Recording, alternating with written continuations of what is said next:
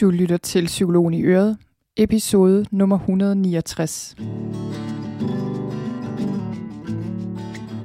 Velkommen til Psykologen i Øret. Jeg er psykologen Birgitte Sølstein, og Øret, det er dit.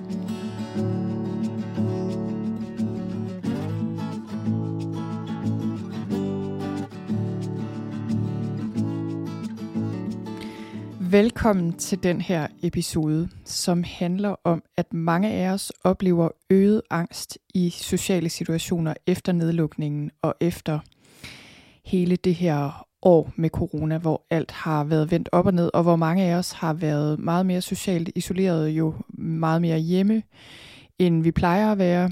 Og episoden her i dag, den handler om, hvorfor det er, at mange af os oplever øget angst. Måske havde man i forvejen angst og oplevet det i sociale situationer, men hvorfor det så kan være blevet værre, og hvorfor mange oplever, hvis ikke angst, så ubehag og nervøsitet nu, hvor vi igen må mødes og begynder at må mødes mere og mere.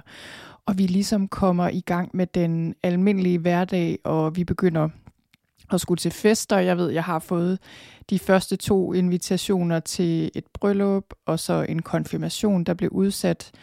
Og der er altså rigtig mange, der oplever øh, mere nervøsitet og måske endda angst i forbindelse med den her genåbning.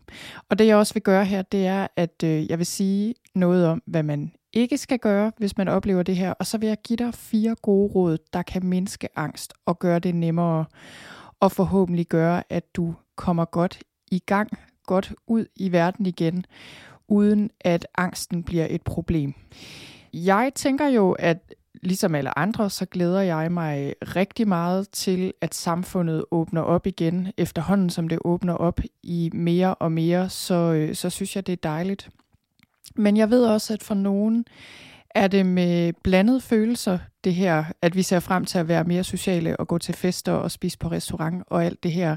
Fordi nogle af os oplever angst i sociale situationer. Nogle af os havde det sådan i forvejen før corona, og mit bud er, og det er der også meget, der tyder på, når man spørger Dansk Psykologforening og steder, hvor man har et overblik over, hvordan befolkningen har det generelt. Der er noget, der tyder på, at den her nedlukning og hele det her år har påvirket os. Også på den måde, at vi oplever mere angst i sociale situationer. Så hvis du sidder derude eller står derude og har det sådan, så er du altså ikke den eneste. Det er nok den vigtigste pointe med den her episode. Der er altså mange, der har det sådan. Og det kan meget hurtigt ødelægge fornøjelsen ved noget, der ellers skulle være givende og noget, vi ellers har glædet os til. Så øh, lige lidt om, hvad social angst er. Altså man kan sige, det jeg kommer til at tale om her i dag, er jo ikke nødvendigvis social angst som sådan, som en diagnose og som noget, der er dybt problematisk. Jeg kommer også til at tale om det her ganske almindelige ubehag, øh, vi måske bliver overrasket over lige pludselig at opleve i sociale situationer. Men angst, og især social angst, er jo det her med, at man oplever ubehag i sociale situationer. Det kan typisk være intense fysiske fornemmelser, intenst fysisk ubehag, som gør det meget svært at være i sociale situationer. Det kan være øh, alt fra en samtale med en eller anden på gaden, til øh, at stå i køen i supermarkedet og holde et oplæg for nogen, holde møder. Det kan være alle mulige sociale situationer, hvor det her ubehag opstår. Det kan også komme i form af tanker. Tanker, der trænger sig på og fylder rigtig meget, som så igen sætter gang i intense reaktioner i kroppen. Som regel er det en blanding af begge dele. En ond spiral, der, der pludseligt opstår. Måske starter det med en tanke, måske starter det med fysisk ubehag. I hvert fald kan det hurtigt udvikle sig til meget intens angst, som er så svær at være i, at mange med social angst helt prøver at undgå at være i sociale situationer, simpelthen fordi det er så svært at være med den her angst. Så det er så vigtigt at forstå omkring social angst og angst i sociale situationer, at det handler ikke om, at vi ikke er sociale, eller at vi ikke har lyst til at være sammen med andre mennesker. Det er angsten, der er ubehagelig, og det er den, vi gerne vil undgå. Og det er derfor, vi kan komme til at undgå sociale situationer, fordi det er i de sociale situationer, angsten opstår. Så jeg taler en del om angst. Som psykolog arbejder jeg især med stress og også med angst. Og en af grundene, tror jeg, til det, det er, at jeg selv har oplevet angst i mit eget liv, så jeg ved, hvordan angst opleves fra indersiden. Og jeg plejer nogle gange at sammenligne angst med, ligesom hvis der var en usynlig faldlem i gulvet, man lige pludselig falder igennem. Det øh, er super ubehageligt, hvis man oplever det, at komme gående hen over gulvet. Forestil dig, at du kommer gående hen over gulvet, og lige pludselig så er det bare som om gulvet forsvinder under dig, og du falder ned gennem den her faldlem, og det her kan i princippet ske anytime. Det kan være sådan, det er at opleve angst, hvor det bare er det her indre ubehag, der kan komme i forskellige situationer eller ud af det blå. Og det gør naturligt nok, at man begynder at undgå situationer, og at man konstant er på vagt over for, sker det her nu lige om lidt, det her intense ubehag, kommer det nok. Så man kan sige, det her instinkt, vi har til at undgå angst, er jo naturligt, fordi vi er jo bare programmeret til at undgå ubehag, tænker jeg, det er en naturlig ting at ville undgå ubehag. Og problemet med angst er jo så, at ubehaget kommer indeni i form af tanker, følelser, fysiske fornemmelser. Og vi kan ikke rigtig undgå os selv, desværre. Så derfor kan det være en meget overvældende oplevelse og nærmest traumatisk i sig selv at opleve intens angst, hvis vi ikke ved, hvad vi skal stille op med det. Så det er det her, vi taler om i dag. Og som sagt, vi taler om, for nogle af os kan det være meget intens angst, for andre kan det måske bare være, at vi bliver sådan lidt utilpasse, eller føler os lidt underligt til mode, eller bliver sådan lidt, lidt nervøse. Men nogle af de almindelige symptomer, vi kan opleve, når vi oplever angst i sociale sammenhænge, nogle af de mest almindelige fysiske symptomer, det er hjertebanken, åndenød, trykken for brystet, maveproblemer, øh, uvirkelighedsfornemmelse, at vi bare pludselig føler, at vi har det underligt, eller at verden er lidt underlig. Det kan være kvalme, svimmelhed, rysten, rødmen, ting i den stil. Og så øh, kan det også være tanker, og det kan typisk være tanker, der er meget fokuseret på os selv. Dybest set tanker, der handler om, at vi er bange for at tiltrække os opmærksomhed. Åh oh, nej, hvad nu hvis folk ser, at jeg er nervøs? Vi forestiller os, hvad der kan gå galt i forskellige sociale situationer, hvordan folk vil dømme os, hvad folk vil tænke om os. Måske er vi bange for, at der er noget alvorligt i vejen, fordi vi får det fysisk dårligt. Det kan være meget selvkritiske tanker om vores udseende, om vores personlighed, om det vi gør. Vi kan være meget, meget hårde ved os selv, og den her form for tanker gør jo ikke noget godt. Det gør bare, at vi får det endnu værre. Det kan også være tanker om, at vi har gjort noget pinligt eller forkert, eller er bange for at komme til det. Grublerier over noget, vi måske lige har sagt, og så står vi og tænker, åh oh, nej, det skal jeg, skulle jeg ikke have sagt. Hvad tænker de nu? Og det kan også typisk være tanker, der kredser om frygt for at miste kontrollen.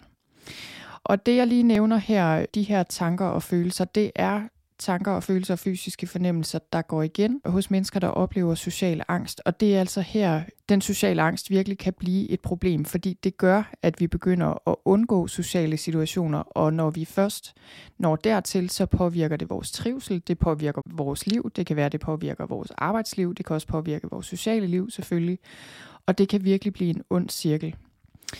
Så det var lige lidt om social angst og angst i det hele taget. Og jeg håber, at pointen med, at social angst ikke handler om, at vi ikke er sociale som sådan, eller at vi ikke kan lide andre mennesker, at det ikke er det, det handler om. Så øh, det, der er sket det seneste år her, hvor vi har været lukket ned som samfund mere eller mindre, og hvor mange i hvert fald har været meget mere isoleret end som så, det er, at den her type angst har faktisk haft rigtig gode kår. Man kunne jo ellers godt tænke, Nå, men øh, det må da være rart for mennesker med angst, og mennesker, der måske synes, det er ubehageligt at være i sociale sammenhæng. Det må da være rigtig rart, når samfundet lukker ned, fordi så får man noget ro. Jeg tror, øh, for mange mennesker med angst har det måske været en oplevelse af, at det til en start var rart. Og mange af os har også bare oplevet, at, at det gav ro. Det her med at være mere hjemme og have mere stillhed i hverdagen. Og på den måde har der været nogle gode ting i det. Det der så bare øh, desværre er med angst, det er, at jo mere vi undgår noget, og jo mindre vi er vant til at komme ud blandt andre mennesker, jo bedre kår får den her angst, og jo stærkere reaktioner kan vi sådan ligesom få, når vi så igen skal konfronteres med de her situationer. Så derfor er den sociale isolation, mange af os har været i det seneste år, det er desværre sådan lidt opskriften på, at angst kan blive værre. Og det er der mange, der oplever. Og jeg kan også selv mærke det, sådan lidt i det små, men også lidt i det store. Noget af det, jeg kan mærke, det er, at da jeg fik de her invitationer til fester, og der har også været nogle andre ting, hvor jeg sådan kan mærke, at der er en del af mig, der lige stopper op og tænker, nå, hvordan er det nu lige, okay, så skal jeg til et kursus med så så mange mennesker, eller hvad det nu er, jeg skal til. Der er en, en del af mig, der lige tøver ved det. Og så har jeg også bare kunne mærke, at mit system reagerer mere i sociale situationer, hvor der er flere mennesker, simpelthen fordi jeg ikke er vant til det. Og det tænker jeg også vil gøre sig gældende for mange af jer derude. Og det jeg fik lyst til her i den her episode, nu var jeg lige ved at glemme det, men nu kom jeg i tanke om det, det er, at øh, jeg vil dele noget med jer, en af mine øh, tidligere studiekammerater, Torleif Godved. Jeg har læst psykologi med ham et års tid. Han havde et andet hovedfag, så vi læste kun sammen det år. Men han, øh, han er rigtig sjov. Det var han også dengang. Det er han stadig. Og i dag der er jeg venner med ham, eller hvad det hedder, forbindelse med ham på LinkedIn. Og har faktisk også snakket med ham for nylig. Det var rigtig hyggeligt. Men jeg så et opslag på LinkedIn, Torleif havde lavet, som jeg synes var rigtig godt.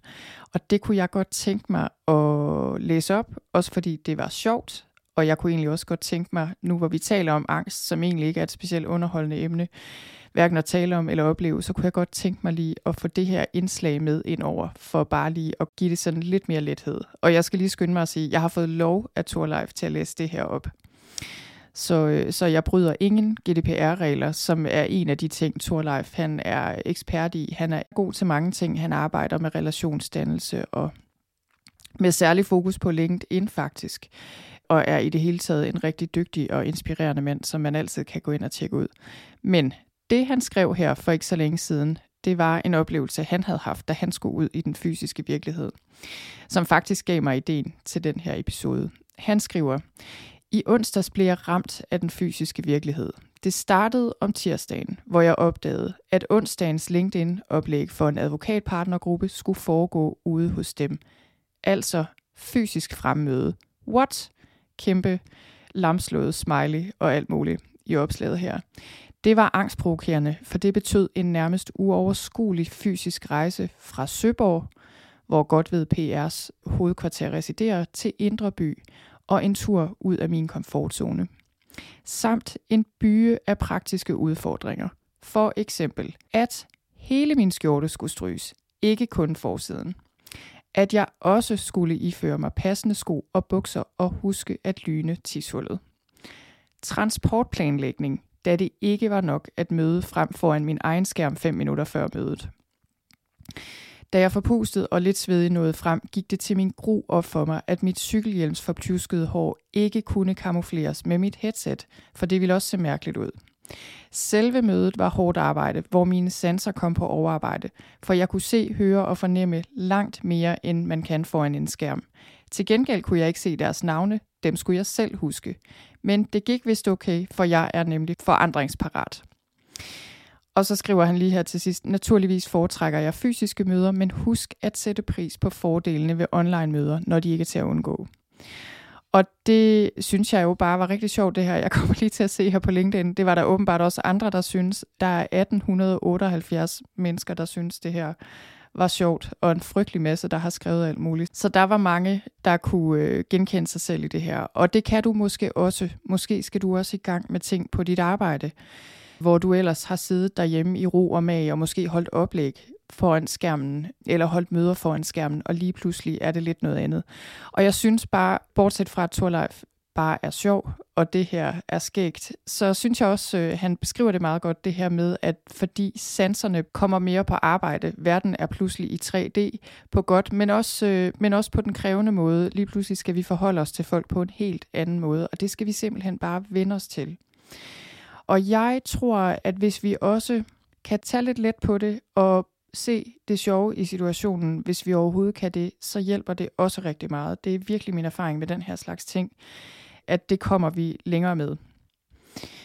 Så jeg tænker jo, at nu, nu har jeg lige nævnt nogle af de almindelige situationer, hvor mange af os måske kan føle os mere udfordrede og kan mærke, at nervesystemet og hele sensorapparatet kommer mere på arbejde og det kan sætte gang i nogle reaktioner. At det er rigtig godt bare at være forberedt på det. Og jeg har lige nævnt nogle af de her situationer. Jeg tænker jo egentlig også bare, At øh, for nogen måske, hvis man har været meget socialt isoleret og kommer tilbage på arbejde for eksempel, så kan det også handle om, at vi måske har oplevet det her som en rigtig svær periode. Det tænker jeg, at mange af os har og at vi måske tænker, jamen alle andre har haft det nemmere, eller jeg synes, det er svært at tale om, hvordan jeg har haft det, at det kan også gøre det sværere at komme tilbage på jobbet, komme ud i verden igen, at vi bare ikke føler os specielt fedt for fight, og at vi er lidt medtaget af den her lange nedlukning. Og så kan der jo også være nogle konkrete ting, der handler om, at vi simpelthen er blevet mere nervøse ved den sociale kontakt. Måske er vi bange for at smitte nogen. Så, så den del er der jo også. Og det er bare for at sige, der er mange grunde til, at det kan være udfordrende at komme tilbage i social kontakt. Og det jeg vil gøre nu, det er, at jeg vil give fire gode råd, som forhåbentlig kan hjælpe dig til at komme i gang igen på en god måde, også selvom du mærker angst eller uro. Men det jeg lige vil gøre først, det er at sige, hvad du ikke skal gøre, hvis angst og uro er en seriøs udfordring. Det du ikke skal gøre, det er at undgå social kontakt det tænker jeg selvfølgelig for os alle sammen er det sådan, at nogle dage har vi bare ikke overskud og energi til at gøre ting, der kræver meget af os, og det skal der også være plads til. Men man kan sige, hvis vores manglende overskud og energi skyldes stress og pres og udmattelse, så er det en rigtig god idé at tage det med ro og skåne os selv på den måde og måske aflyse noget. Men hvis den her manglende lyst, eller hvad skal man sige, hvis det er en modstand, der mere skyldes angst, og fordi vi er bange for ubehag, så er det en god idé lige at overveje, om vi nu også skal undgå det eller aflyse det, fordi problemet er, at jo mere vi undgår ting på grund af angst, jo større bliver angsten, og jo mindre bliver vores komfortzone. Og jeg vil godt lige have lov at sige her, fordi jeg har også selv oplevet intens angst på egen krop. Jeg er godt klar over, at det ikke er specielt nemt, når angsten er intens. Det er møg hammerne ubehageligt.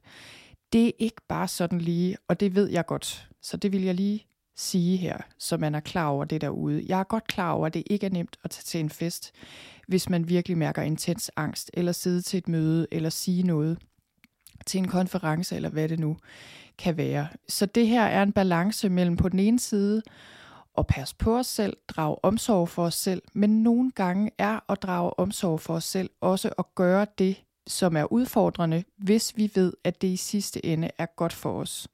Og hvis vi ellers føler, at vi er klædt på til at håndtere den angst og det ubehag, der kan komme i en social situation, så vil det være en god idé at gøre det alligevel.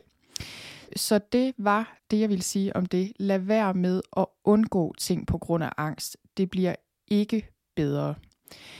Det man til gengæld skal sørge for selvfølgelig, det er, at man føler sig rustet til at gå ind i de her situationer, så det ikke bare bliver en overvældende oplevelse, fordi så vil det muligvis bare være endnu sværere at deltage i en social situation næste gang, hvis det bliver en rigtig dårlig oplevelse.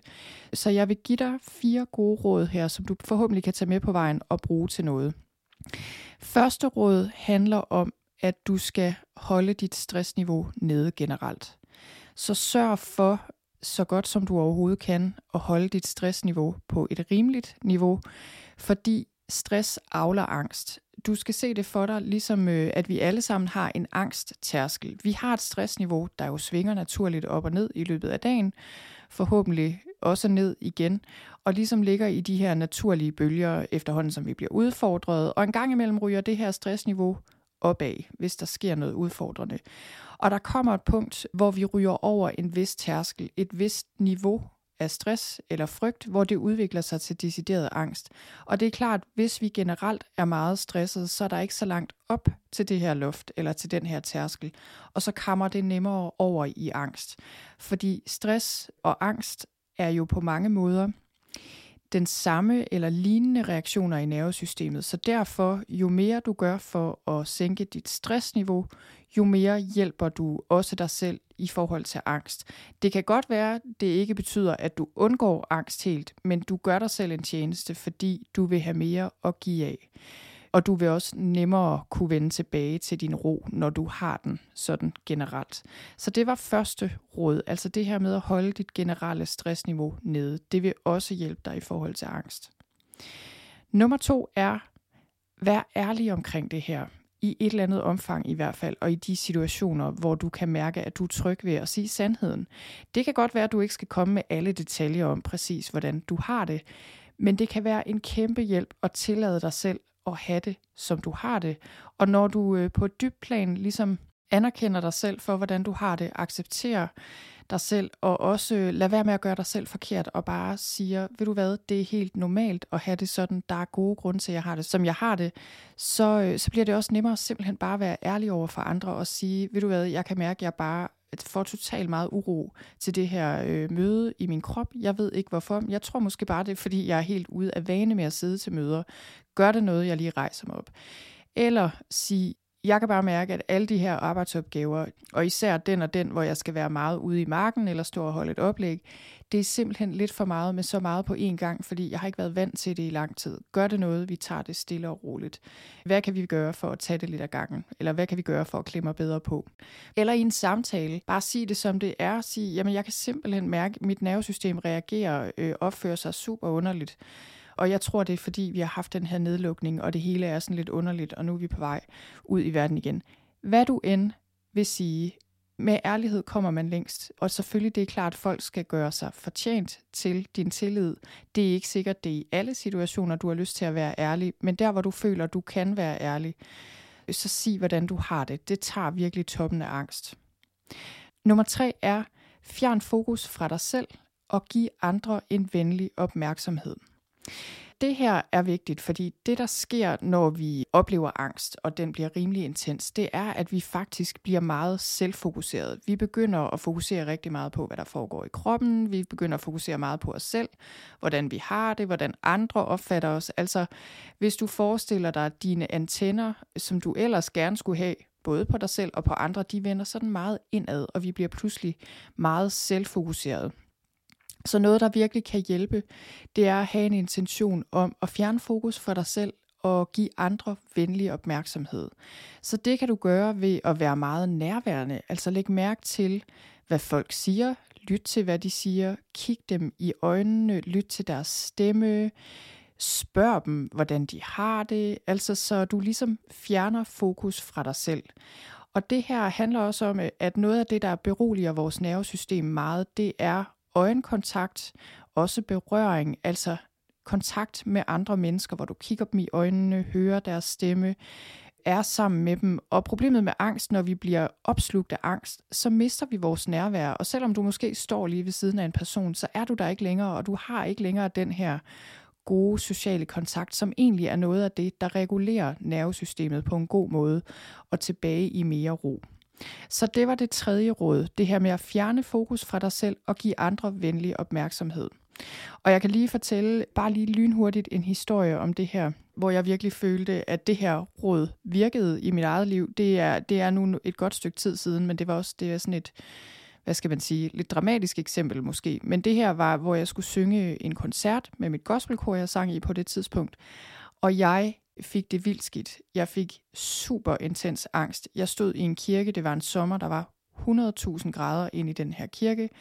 Den var stuenefuld, der var flere hundrede mennesker, jeg skulle stå der og synge. Det var møg ubehageligt, så jeg tænkte, okay, hvad gør jeg, hvad gør jeg? Jeg må på en eller anden måde sørge for at fjerne fokus fra mig selv og ud på nogle andre. Og så fandt jeg øh, et ung par, faktisk. Øh, jeg fandt sådan flere, men, men nogle af dem, jeg fandt, var et ung par, hvor øh, især den ene så sådan meget trist ud. Og så prøvede jeg faktisk ligesom at synge til hende især, og sådan ligesom sende hende varme og gode tanker, og spekulerede lidt på, når man kan vide, hvorfor hun ser så trist ud. Og sådan på den måde kom jeg ud af den her onde spiral, der var ved at bygge sig op, hvor jeg var ved at få det rigtig skidt, og det gik over. Øh, og så så jeg mig ikke tilbage, så var jeg ligesom bare optaget af at synge resten af koncerten. Så det her, det var bare et eksempel på, hvordan det her virker. Og det har også noget at gøre med, at når vi forbinder os til hjertet, så fjerner vi ligesom, vi sænker tyngdepunktet, så i stedet for at være totalt opslugt af tanker, så sænker vi opmærksomheden og energien længere ned i kroppen, ned til hjertet. Så tager vi også pusten lidt, vi tager energien lidt fra de tanker her, og så falder de også nemmere til ro, når vi gør det. Fjerde råd, sidste råd, jeg har her, det er lidt i familie med nummer tre, men øh, jeg synes, det fortjener noget mere plads, så det får også sit eget punkt her. Drag omsorg for dig selv. Det vil sige, når og hvis du oplever angst og ubehag i sociale situationer, så lad være med at dømme dig selv hårdt for det. Lad være med at straffe dig selv med selvkritiske tanker. Drag omsorg for dig selv. Ha' forståelse over for dig selv. Præcis som du ville over for en anden, du kender, hvor du vil lægge armen om vedkommende og sige, det er okay, det er helt okay, det er normalt at have det sådan. Har du brug for et kram? Lad os se på, hvad der er behov for at gøre i situationen. Det er godt nok. Og du ved, det her det gælder også, hvis det her bliver svært, og du for eksempel bliver nødt til at trække dig fra en situation, eller undgår at gøre ting og føler, at du har fejlet, og at du ikke dur til det her med alligevel at gå ud i verden, selvom du oplever det ubehageligt. Altså, det her er den gyldne regel over alle gyldne regler. Dit forhold til dig selv, og det at du drager omsorg over for dig selv, inden i, med ord og med et venligt toneleje og med en ægte intention om at bakke dig selv op indeni. Det er det aller, aller, aller vigtigste. Og det er det, fordi det beroliger dit nervesystem. Så for det første gør det angsten og uroen mindre, men for det andet, så hjælper det også bare, når vi oplever noget svært, og det her er svært at opleve og have det skidt indeni, så hjælper det os, at vi bakker os selv op og ligesom står ved vores egen side, i stedet for at stille os et skridt væk fra os selv og bebrejde os selv. Og begynde at bekymre os og skræmme os selv fra videre sans med alle mulige både grublerier om, hvad vi lige har gjort, og også bekymringer om, hvad det her betyder for fremtiden. Så fjerde råd er, drag omsorg for dig selv, uanset hvad. Så det håber jeg kunne bruges, og øh, jeg vil også sige, at hvis du gerne vil vide mere om social angst, så har jeg tidligere lavet en podcast episode, der går meget mere i dybden med det, hvor jeg også siger mere om, hvad man kan gøre. Du kan finde det inde på min hjemmeside. Og øh, så er det også sådan, at hvis du lytter til den her podcast episode lige nu, hvor den kommer ud, så kan du hoppe ind på min hjemmeside og tilmelde dig et gratis foredrag, jeg holder om angst, hvor jeg fortæller mere både om min egen historie, men jeg fortæller især også om angst og hvordan man håndterer angst. På min hjemmeside der finder du også et minikursus i angsthåndtering, som er gratis, som du kan gå ind og skrive dig op til. Og der lærer du tre strategier, der hjælper dig med at håndtere angst, både når den kommer til udtryk i tankerne og i kroppen. Og her får du også et indtryk af, hvordan jeg arbejder med angst. Og hvis du kan mærke, at det virker, og hvis du kan mærke, at det taler til dig, så øh, kan du kigge på mit selvhjælpsforløb til angst, som er et forløb, du også finder inde på min hjemmeside, som er et lydforløb i 10 lektioner, hvor du øh, arbejder med at lære at håndtere angst meget mere i dybden. Så det var alt for i dag. Og jeg tror, jeg vil slutte af med at sige, at når alt det her nu er sagt, om at det kan medføre en masse angst og ubehag at skulle ud i verden igen, når samfundet åbner, så vil jeg slutte af med at sige, at jeg tror faktisk på, at vi kommer tilbage til et normalt samfund, og et samfund, som vi kender det, mere eller mindre som før corona. Det tror jeg, vi kommer hurtigere, end vi forestiller os. Og jeg ved godt, der er nogen, jo mange, der siger, nej, men verden bliver aldrig den samme, og samfundet bliver aldrig det samme, og vi bliver aldrig det samme. Og nej, det gør vi jo heller ikke, fordi vi, vi har lært meget af det her på godt og på ondt. Men, øh, men der er et eller andet, der siger mig, at vi er hurtigere tilbage til normalen på den gode måde, end vi forestiller os. Det er min klare fornemmelse. Jeg ved ikke engang helt, hvor jeg har den fra, men det får jeg bare lyst til at sige. Og jeg siger det også for at sige, at for mange af os, især der har tendens til angst og uro, at det her er ligesom sådan en hurdle, vi skal over, og den kan være mega udfordrende. Men til gengæld, når vi så først er over den, så vil vi også meget hurtigt opleve, at det glider i baggrunden, altså at det bliver meget nemmere, og meget mere givende at være i social kontakt og komme i gang med alt det, som vi glæder os rigtig meget til. Fester og gå på restaurant og arbejde og kurser og møder og fødselsdage, forældremøder, alt det vi enten har glædet os til, eller ikke har glædet os så meget til, men som i hvert fald er en del af en almindelig hverdag. Og det glæder jeg mig også rigtig meget til, og det kan jo være, vi ses derude. Og i hvert fald så ønsker jeg dig en rigtig god dag og en rigtig god genåbning. whatever it might be, keep surprising me. Whatever right.